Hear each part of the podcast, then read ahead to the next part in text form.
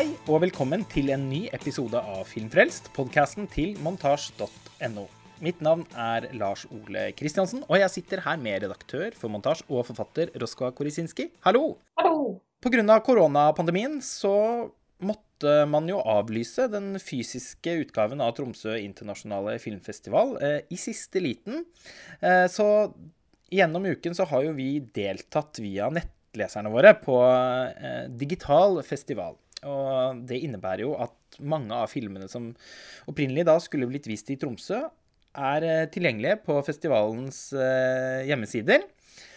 Og eh, du har jo eh, sittet i juryen for eh, hovedkonkurransen, Roskva, og gjort deg en ja, nokså unik erfaring, nemlig da å, å, å sitte i en jury uten å møte de andre medlemmene i et faktisk rom, men kun virtuelt over Skype og Zoom og Teams. Jeg vet ikke hva dere har brukt. det. Kan du fortelle litt eh, innledningsvis om den erfaringen? Ja, jeg har da sittet i denne juryen sammen med Maria Bock og Ismet Bakhtiar. Og det er klart at juryarbeidet blir jo veldig annerledes når vi befinner oss i ulike byer eh, og bare kan møtes over Teams, som det var. Eh, plattformen vi møttes på. Ja. Eh, og jeg tror kanskje at den store forskjellen eh, fra en, på en måte fysisk, et fysisk juryarbeid hvor man kan møtes og spise lunsj sammen og diskutere og gjerne gå på visninger sammen. Den store forskjellen har vært eh, både det at selvfølgelig man ser filmene alene, det har vært likt for alle festivalpublikummerne. At det er en helt annen opplevelse å se kinofilm på mindre skjerm og med dårligere lydkvalitet. Men sånn eh, rent jurymessig så har det vært eh, både en utfordring, men også litt spennende det her med at vi ikke har kunnet tatt fortløpende samtaler eh, gjennom uka. Eh, fordi folk har vært hjemme med familiene sine, noen har hatt litt jobb å gjøre, så har vi ikke lagt opp noe felles løp hvor vi har sett filmer på likt. Vi har bestemt rekkefølgen på filmer hver og en av oss. Så mm. den første filmen jeg så, kunne være den siste filmen en av de andre så. Uh, og det jeg i hvert fall var litt spent på i utgangspunktet, var jo om, om, denne manglende strukturen på en måte, og det fellesskapet som ikke var der lenger, hvor man diskuterer mellom filmer og, og kanskje uh, blir litt mer konsensusorientert, da, selv om man ønsker å, å og ha en slags sånn selvstendig inngang til filmene og en selvstendig bedømming av dem, så er det klart at det å hele tiden gå og diskutere med to andre og få andres perspektiver inn underveis, er med på å forme ens egne oppfatninger. Mens nå har vi på en måte kunnet sitte helt til slutten av uka hvor vi da i går kveld hadde et jurymøte. Det var første gang vi diskuterte filmene sammen, og da hadde vi alle sett alle filmene. Så jeg var litt spent på å se om det ville føre til veldig ulike oppfatninger og til dels gjorde det, samtidig som filmene som vi endte opp med å eh, velge som ja, vinner av konkurransen, og som var det, så var det også et par filmer som fikk hederlig omtale, de var vi ganske samstemte om. Men når det gjaldt de andre filmene i programmet, så var det et ganske stort sprik mellom de ulikes eh, oppfatninger. Og det tror jeg har veldig mye med den måten å se film på, hvor, hvor vi ikke ja, var det sammen, da, bokstavelig talt, og også i overført betydning. Ja, det er kjempemorsomt uh, å, uh, å høre hva du, hva du, tenker om dette. For jeg har jo sittet i en del sånne juryer selv, og jeg tenker at det er ikke noe tvil om at man lar seg jo påvirke. Spesielt hvis man er litt ambivalent. Altså hvis man har sett en film og ikke er liksom ikke kanskje helt rukket rukket å gjøre seg opp en mening om den, og så sitter man inne i denne pressevisningssalen eh, der en av de eh, øvrige jurymedlemmene umiddelbart idet rulleteksten inntreffer, utbytter åh, åh, fy faen, det var jævlig. Eller sånn Da er, har du veldig lett for å selv tippe i samme retning, omtrent som et sånn slags Hvis man fra før av da ikke nødvendigvis har hatt en sånn veldig sterk definert opplevelse, så kan man, eh, fordi man er et sosialt dyr, på en måte tilpasse seg da en slags konsensus som noen på rekordtid har skapt. Mm. Ja, og også dette her med en ting er de andre jurymedlemmene, men også det med å oppfatte stemningen i en kinosal. Eh, er det helt stille når det er lagt opp til at man skal le? hva er bøssen etter filmen? Altså hvordan ser ansiktene ut? Jeg tror alle de små detaljene der som man kanskje liker å tro at man er hevet over, eh, egentlig har ganske mye påvirkningskraft. Med mindre, som du sier, filmen man har sett helt sånn udiskutabelt har berørt den på et eller annet intellektuelt eller følelsesmessig nivå. Og det er jo også ofte tilfellet, da, hvis man eh, Det er i hvert fall eh, min erfaring at på festivaler og litt mindre festivaler, så er det ofte ganske langt mellom de filmopplevelsene som står liksom fram som helt udiskutabelt veldig sterke. Det er mye sånn OK film. Mm. Uh, og da blir nettopp som du sier, blir man kanskje enda mer sårbar, eller åpen eventuelt, da, for påvirkning utenfra. Ettersom TIFF brukte såpass lang tid på å komme fram til at de ikke skulle avvikle arrangementet fysisk, så det jo, havnet de jo i en situasjon der eh, de på ingen måte kunne overføre hele det opprinnelige programmet til den nettbaserte løsningen. Det handler om rettighetsproblematikk og sånn. Og det gjorde jo også at eh, hovedkonkurransen ble omrokert eh, kort tid før festivalstart, Roskva? Ja, det stemmer. Jeg tror opprinnelig at det var snakk om elleve filmer, som da ble redusert til syv titler. Jeg vet ikke så mye om de filmene som ble tatt ut av konkurransen. Jeg bare vet at programmet opprinnelig var litt fyldigere da, eh, enn det vi satt igjen med nå og skulle bedømme. Men likevel så sitter man igjen med et program med syv filmer som er veldig ulike, i hvert fall sånn mm, filmspråklig sett, da. Så, så, kommer de fra ganske forskjellige tradisjoner. Eh, og det er også store deler av verdenskartet som er dekka. Så til tross for at man har nedskalert, så, så har de gjenværende film, filmene likevel. Det er en opplevelse av at, at, vi har på en måte hatt mye ulikt å se. Eh, det er ikke sånn at man bare endte opp med noen franske filmer, eh, samtidsdramaer og sånn. Det, er, eh, det, har vært stor spredning, da. Både for, men også historiene som fortelles. Ja, altså det er jo syv uh, titler. Scarecrow fra Russland. Father fra Serbia. Truffle Hunters fra Italia. This Is Not a Burial, It's a Resurrection fra Lesotho. Uh, Und Morgen die ganze Welt fra Tyskland, åpenbart. Uh, Ecstasy uh, fra Brasil. Og Slalåm fra Frankrike. Mm. Du kommenterer jo at filmene i, i formspråk og sånn eh, er eh, forskjellige. Men eh, er det noen tematiske forbindelseslinjer her? Det er jo gjerne sånn at noen som kuraterer et sånt program, forsøker å, å skape noen sånn koblinger mellom filmene.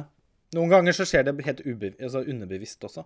Ja, og noen ganger så er det kanskje også eh, Altså tiden man lever i gjør også at kanskje det er en distinkt tematikk som går igjen oftere enn andre. Eh, og det syns jeg at, eh, at, kommer veldig tydelig til syne i det her programmet. Hvis jeg skal sette fingeren på noen fellesnevnere, så er det vel eh, det er flere fortellinger om på en måte det lille mennesket i kamp mot det store systemet. Altså det særpregede mot, i kamp mot det uniforme eller Altså, ja, Det finnes ulike eksempler på det. Blant annet så er denne 'Father' fra Serbia handler om en relativt ung serbisk mann som har mistet arbeidet sitt på fabrikken. Filmen har en utrolig sterk åpningsscene hvor eh, kona hans står utenfor fabrikken hvor han har blitt oppsagt to år tidligere med barna deres, deres felles barn, i armene og truer med å tenne på seg selv. Mm. Med mindre fabrikkeierne utbetaler en sånn type kompensasjon som de egentlig skulle gi han da han ble sagt opp. Uh, og resten av fortellingen handler da om denne farens kamp for å få tilbake omsorgen for barna. Fordi uh, etter å ha tent på seg, så blir jo denne blir kona hans lagt inn på psykiatrisk. Uh, og han mister foreldreretten til barna. Og så er det en sånn film om hvordan han går hele veien til Beograd for å gi et klagebrev til ministeren for det departementet som har ansvar for bortplassering av barn. Og filmen er veldig sånn klassisk uh, fortelling om den lille mannen og det store systemet, men også om vår tid hvor problematikk som fattigdom, uh, arbeidsløshet uh, blir gjort til et slags spørsmål om individets styrke. Da. Altså, sånn, han blir møtt med ja, hvorfor har du ikke prøvd å få deg jobb? Hvorfor har du ikke sørget for at barna dine har de tingene de trenger, som om det var viljen det sto på, da, og at han ikke var også offer for et system der det nærmest er umulig å få seg arbeid, og hvor store deler av befolkningen lever langt under fattigdomsgrensa. Og den filmen er altså sånn, kanskje det tydeligste eksempelet på en tematikk som går, igjennom, går igjen, igjen i programmet. Hvor også f.eks. en film som 'This Is Not a Burial' fra Lesotho Eh, og så handler det om en gammel kvinne som bor på landsbygda i Lesotho. Det er nærmest en sånn jobbsbokaktig fortelling. Mm. Eh, hvor hun tidligere har mistet eh, ektemannen og flere av barna og barnebarna sine. Og når filmen åpner, så blir det fortalt at hun har mistet eh, sønnen sin i en gruveulykke. Eh, og parallelt med den sorgen over at store deler av familien hennes er borte, så skal myndighetene bygge en dam i landsbygda som gjør at alle innbyggerne må flyttes til byen. Hvor hun også driver en sånn ganske ensom kamp for å bevare hjemstedet sitt, men også den gamle måten å leve på. Og, så er det masse konflikter i befolkningen rundt hvorvidt de burde flytte på seg og bli modernisert, eh, eller om det å bevare de gamle tradisjonene og den gamle måten å leve på, landbruk og alle disse eller også sånn. Ja. Og det er også en tematikk som for så vidt uh, også dukker opp i den Truffle Hunters. Ja. Um, jo har uh, to amerikanske filmskapere, men uh, den utspiller seg i, Italia. Hvor det også handler om trøffeljegere. gamle italienske menn og hundene deres som har en hel mannsalder har drevet og snust seg fram til trøfler. Altså de har trent opp hundene til å snuse seg fram til trøfler, og så har de solgt trøflene med stor fortjeneste. Eh, og så skildrer egentlig filmen hvordan denne gamle tradisjonen, eh, paradoksalt nok kan man si, blir trua idet trøffel blir big business på det globale markedet. Som jo man skulle trodd at førte til at mennene tjente enda mer penger og at alt var fryd og gammen, men som selvfølgelig, som det ofte gjør, eh, også fører til eh, konkurranse, og det fører til skittent spill. Altså disse gamle mennene blir jo forsøksvis utpressa. Hundene deres blir forgifta så de dør av konkurrenter som ikke ønsker at de skal finne trøfler. Altså sånn. eh, så igjen så er det den tematikken da med gamle tradisjoner og levesett. Og idiosynkratiske personer som lever livet på en annen måte enn det som forventes i måte den globaliserte, moderne verden. Da som kommer på kollisjonskurs med disse for så vidt ikke lenger så veldig nye systemene, men allikevel ganske nye for en del av de menneskene som fremdeles og fram til nå har levd veldig avsondret da, fra, fra dette liksom yrende, moderne livet. Altså, dette er jo slående paralleller mm. som du presenterer. Og eh, blir veldig nysgjerrig på den Truffle Hunters. da. Det høres ut som et innmari morsomt miljø å utforske. Og det sier jeg ikke bare fordi jeg er eh, eh, interessert i mat. Men eh, det, frem, sånn som du beskriver den, så høres den jo nesten ut som en sånn eh, Flåklypa Grand Prix-aktig fortelling. Ja, det morsomme med Truffle Hunters, det er jo uten tvil den lystigste filmen i programmet. Altså alle de andre er eh, ganske mørke filmer. Denne har en letthet og, en, og også en skjønnhet i billedspråket, som for så vidt også fins i andre av filmene her, men som er helt sånn uforlignelig i denne filmen. Den er også både regissert og fotografert av to eh, amerikanere som opprinnelig er fotografer. Eh, Gregory Kershaw og Michael Dweck. Det er også noen tablåer eh, som de har skapt i denne filmen, som er helt utrolig flotte. Og det er også spennende, jeg kan ikke huske jeg har sett det gjort på en like gjennomført måte før, hvordan de kombinerer et sånt utrolig stilisert filmspråk hvor hver scene ser ut som en altså ser ut som den er bygd opp helt fra scratch. Altså man har brukt gjenstander som kanskje finnes i disse husene til de gamle mennene eller, eller på den lokale restauranten, men de er bare eh, orkestrert på en sånn utrolig malerisk måte. Samtidig som dialogen framstår som totalt uh, uskripta og improvisert og dokumentarisk.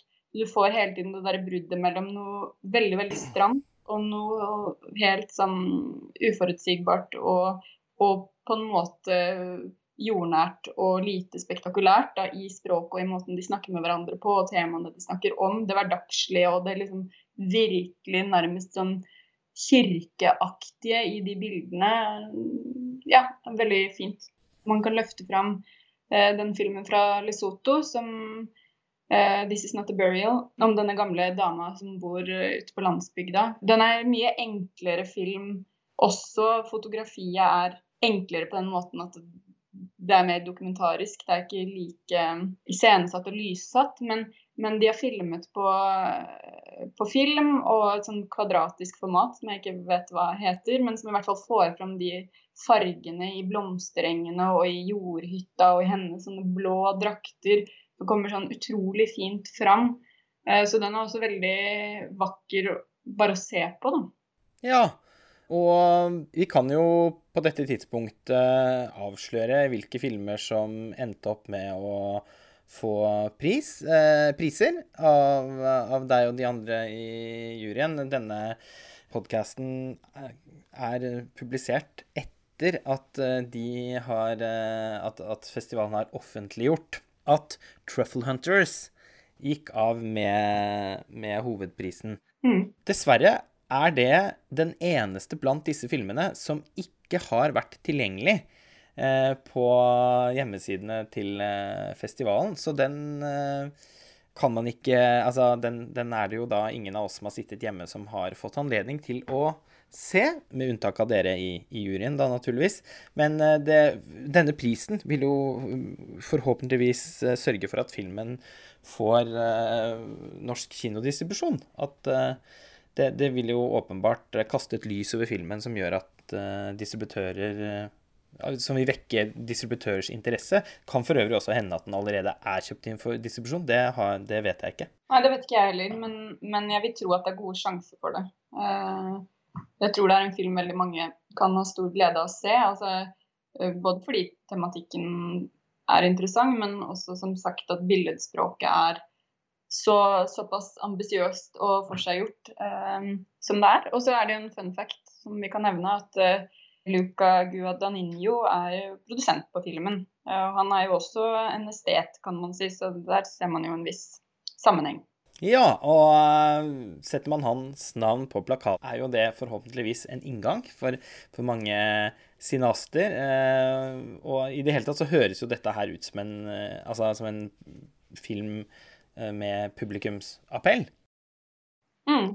Ja, og det er, eh, som jeg ikke har snakket så mye om, så er jo filmen er langt lystigere på en måte enn den kanskje framstår når jeg snakker om den. Og mye av det dreier seg om at den fokuserer veldig sånn Den er konsentrert om tre-fire av disse gamle mennene i, eh, i dette trøffeldistriktet. Og deres forhold til hundene. Hundene er på en måte selvstendige eh, hovedpersoner. Altså, det er ikke bare mennene som er hovedpersonen i filmen, men hundene er også det. Og det fører oss til noen visuelle løsninger hvor litt av fortellingen fortelles fra hundenes perspektiv, uten at jeg skal si så mye mer om det. Men jeg syns i hvert fall det var et veldig sjarmerende og fint grep. Mm. Eh, og så er de utrolig eh, Altså det er jo et forhold mellom disse mennene og hundene som balanserer på en knivsegg mellom galskap og noe sånn utrolig sjarmerende. Blant annet så har han en han er verken kone eller barn, men han har et forhold til hunden sin som, som er eh, mildt sagt nært. Ja. Er det så nært at det ikke er platonisk? Nei, ja, nei, altså. nei, men de sitter og spiser middag sammen. De spiser det samme. De sitter ved bordet begge to.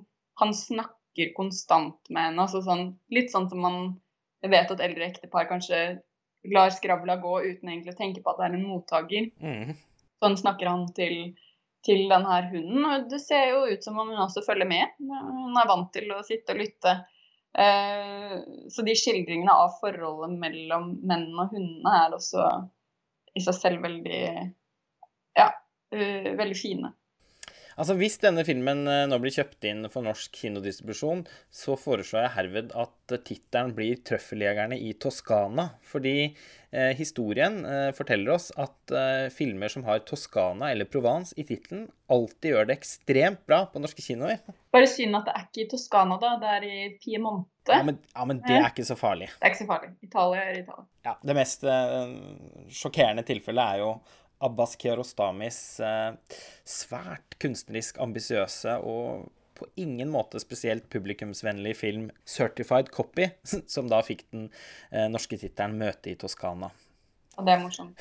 det er veldig morsomt. Jeg vet at dere også delte ut en hederlig omtale. Ja, vi delte faktisk ut to, fordi det var tre filmer som vi syntes at det var såpass øh, vanskelig å skille mellom når det kom til kvaliteter. Uh, de var veldig, tre veldig ulike filmer, men ja, alle tre hadde noe sånn helt sånn tydelig uh, Noen helt tydelige kvaliteter ved seg. Og de to andre filmene da er 'Ekstase' av brasilianske Moara Passoni.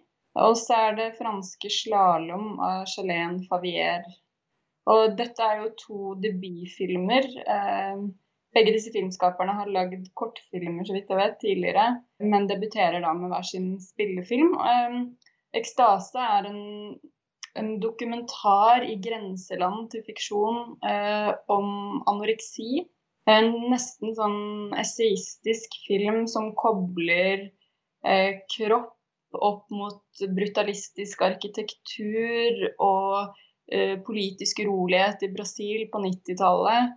Eh, med på en måte den kroppslige eh, og mentale uroen hos denne ungjenta som filmen handler om, som er alter ego til filmskaperen selv. Eh, og hvor særlig Altså hele filmen er drevet av en voiceover, et grep jeg kanskje syns at det ikke var så godt, men, men som allikevel er med på å gjøre den til kanskje mer sånn ja, essayfilm. Og det brukes også en del arkivklipp både fra demonstrasjoner, men også eh, dokumentasjon av kjente brutalistiske og funksjonalistiske også, tror jeg, byggverk i eh, Brasilia. Eh, som da klippes til bilder av kropp, av skjelett, av bein. Eh, noen ganger kan den koblingen være overtydelig, at jeg savner litt at bildene bare kunne få stå for seg selv, og at, at man hadde stolt mer på at publikum senser at Uh, senser en forbindelseslinje mellom de ulike tingene i verden, uten at voiceoveren i tillegg hadde trengt å poengtere at den, den uh, sammenhengen finnes der. Mm. Men som sagt, det er en debutfilm, og den har veldig mye fint ved seg. Uh, poetisk kvalitet som noen ganger kan føles litt Kanskje litt vel selvbevisst og selvhøytidelig, men som på sitt beste også er genuint vakker. Og så har vi 'Slalåm', som er et mer sånn klassisk vellaget drama om en ung idrettsutøver som er et skitalent, slalåmtalent, og som plukkes ut til å gå på et uh, skiakademi um, sammen med andre ungdommer, hvor hun skal dyrkes fram som en av de ledende uh, utøverne i Frankrike. Der hun får en relasjon til instruktøren sin, som som ser at hun har noe helt spesielt, og som bruker mye tid på å trene henne opp for, for, å få fram det potensialet i henne. Og så utvikler denne relasjonen seg ganske raskt til noe som ja, tilskueren blir utfordra til å vurdere om det er en overgrepssituasjon eller eh, Og det er det åpenbart, for hun er veldig ung, hun er bare 15 år. Og samtidig som hun også jo har en slags forelskelse. Så den skildrer på en måte forholdet mellom disse to menneskene og som også utspiller seg et veldig sånn malerisk eh, miljø. Eh, høyt oppe i fjellene, eh, med mye sånn innklipp av fjell. Og også her er kroppen sentral, ikke like eksplisitt som i ekstase, men det likevel selvfølgelig er en del av tematikken det er med kroppen som et verktøy, kroppen som noe annet enn personen. Noe som skal kultiveres, som skal eh, temmes, som skal holdes i tøyler. Så sånn sett er det også noen tematiske forbindelseslinjer mellom de to filmene som vi har valgt å gi hederlig omtale til. Ja, og jeg tenker at noe av det jeg syntes var spennende med slalåm, som jeg har sett, da, eh, det er jo nettopp det at eh, han Instruktøren, han, han utnytter jo det at han merker at hun blir forelsket i han. Ikke sant? Og og nettopp fordi han er i en posisjon der hvor han fra før av skal liksom presse henne til det ytterste og, øh, og jobbe liksom med hennes kropp, da. Å få kontroll over den. Og ja, på en måte hjelpe henne å få kontroll over sin kropp med tanke på idrettsprestasjonene hun skal gjøre. Så, så, så, er det en sånn Jeg opplevde veldig at det var noe som lå liksom og ulmet der hele veien, før filmen blir veldig tydelig på at han ikke bare utnytter seg av den situasjonen på en problematisk måte, men etter hvert blir altså utøver veldig urovekkende atferd. Mm. Og den uh, filmens eh, styrke, hvis vi skal snakke litt om det, er jo bl.a. at den er ganske velspilt. Både av hovedrolleinnehaveren og av uh, denne skiinstruktøren. Nå har ikke jeg navnene deres foran meg, men det har kanskje du? Ja, jeg vet hva det heter. Det, hun heter Noé Abita. Mm. Og fikk sitt gjennombrudd med en uh, skrullete og ikke spesielt god, syns jeg, men, uh, men, slående, tross alt, debutfilm som het Ava. Som hadde premiere noen, i Cannes for noen år siden. Og så er det Jeremy Renier som, blant, som er en, en av Frankrikes mest anvendte eller profilerte skuespillere, som ikke minst er kjent for sine mange samarbeider med de belgiske Dardenne-brødrene. Nettopp. Eh, jeg syns de, de, de gjør gode rolleprestasjoner, og de har et fint samspill også. Og så syns jeg mm, det er en del visuelle grep som, som, fungerer godt, samtidig som de også kan føles litt påtenkte eller påfunnsaktige ut. altså sånn Det er veldig mye bruk av farget lys som er stemningsskapende, men som også av og til grenser over til noe som kan føles litt som skole filmaktig ut. Mm. At det gjøres fordi det ser kult ut, kanskje mer enn at det har en hensikt. da. Men det ser kult ut, da. Det gjør det. Uh, og så synes jeg at uh, det er en del bikarakterer som ikke er Og bifortellinger som, som er litt sånn lettvinte. Bl.a. forholdet mellom hovedpersonen og moren hennes. Uh, men også skiinstruktøren og hans kjæreste. Som jeg kanskje syns man kunne gjort mer ut av. Men, men av, eh, med tanke på at det er en debutfilm, så er det veldig imponerende. Og, og, og også helt sånn åpenbart en av de filmene ja, Den filmen i konkurransen ved siden av 'Truffle Hunters' som føles aller mest gjennomarbeida, da.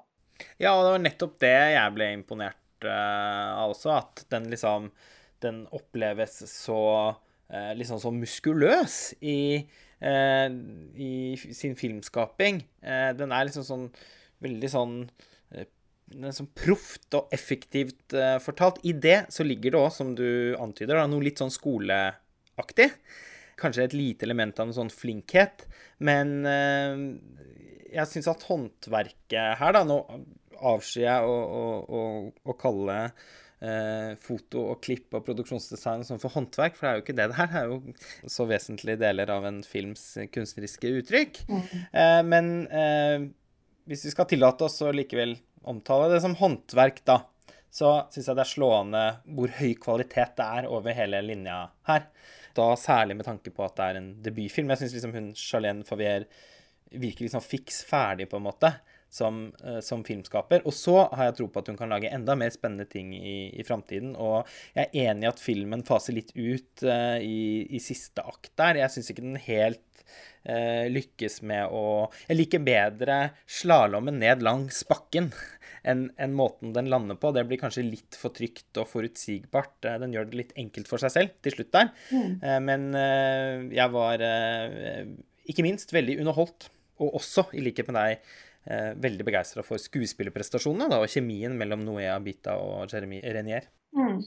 Man skulle jo tro at et uh, sånt program som er uh, kuratert av uh, filmeksperter, nødvendigvis bare består av, av filmer med høy kunstnerisk kvalitet.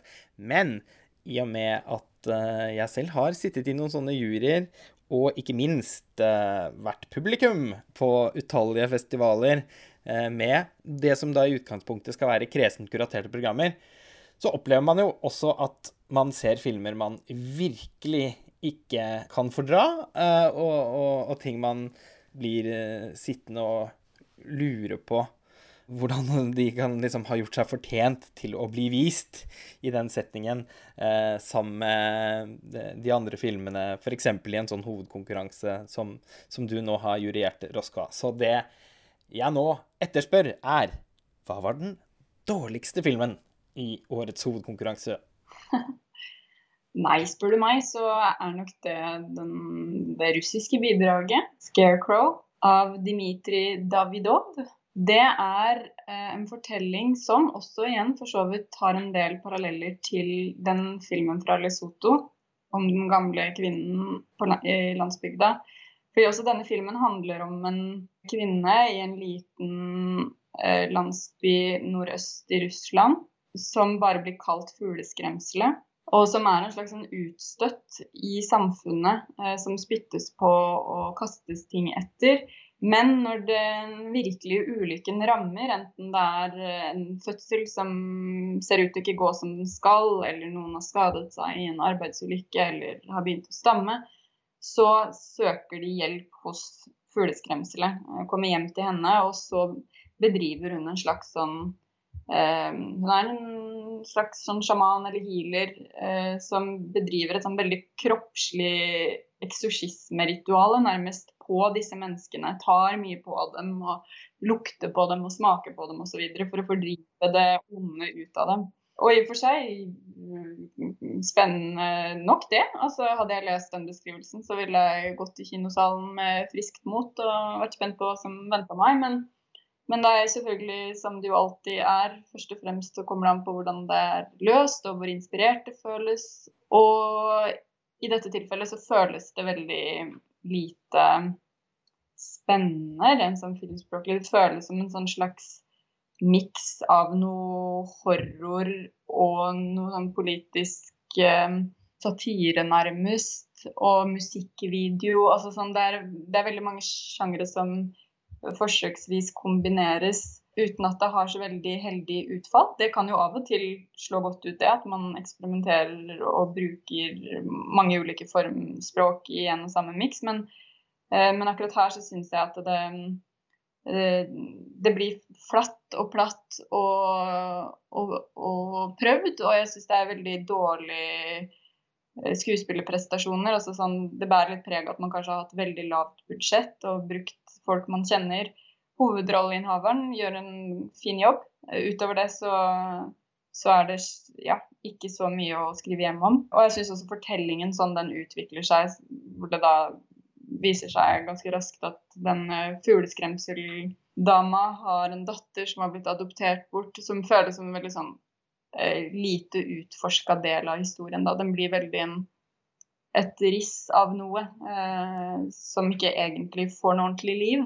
Det hørtes jo ut eh, som en, eh, en halvkvedet eh, vise. Det, det, var nok det det var. Men eh, vi kan jo notere oss eh, Truffle Hunters og Ecstasy eh, og Slalåm. Eh, den kan jeg også skrive under på. Og denne This Is Not A Burial, It's A Resurrection. Denne filmen fra Lesotho som jeg vet at du følte ganske sterkt for. Selv om den da ikke nådde opp til å få noen pris, så fikk jeg inntrykk av at det var en film du ble interessert i. Ja, der må jeg understreke at der har jeg nok ikke hele juryen med meg. Og, og jeg er også litt eh, Jeg er ambivalent til den filmen, fordi på mange måter så er det kanskje den minst profesjonelle av filmene. altså sånn Første kvarteret føles totalt amatørmessig.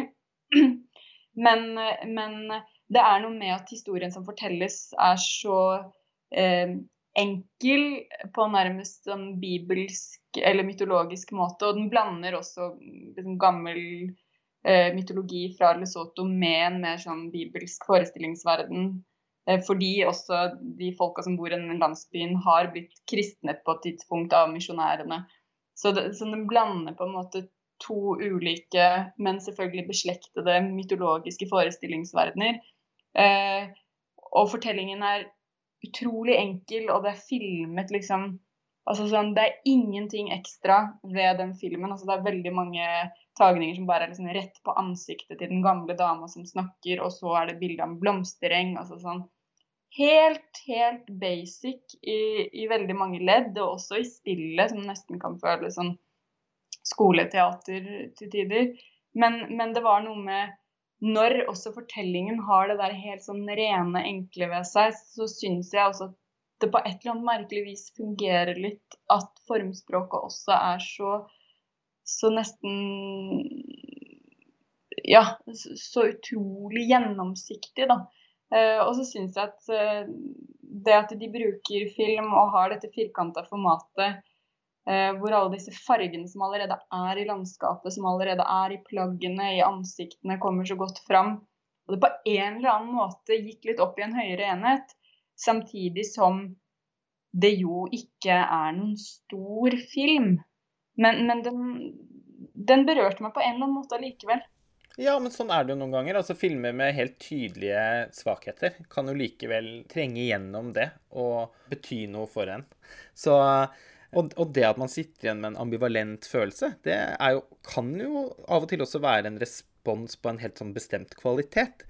Jeg husker en gang, Roskva, eh, at jeg spurte deg Roskva, er du ambivalent? Og da svarte du Lars Ole, jeg er alltid ambivalent. Ja. og eh, sånn tenker jeg vi avslutter eh, denne episoden. Eh, TIFF er over for denne gang.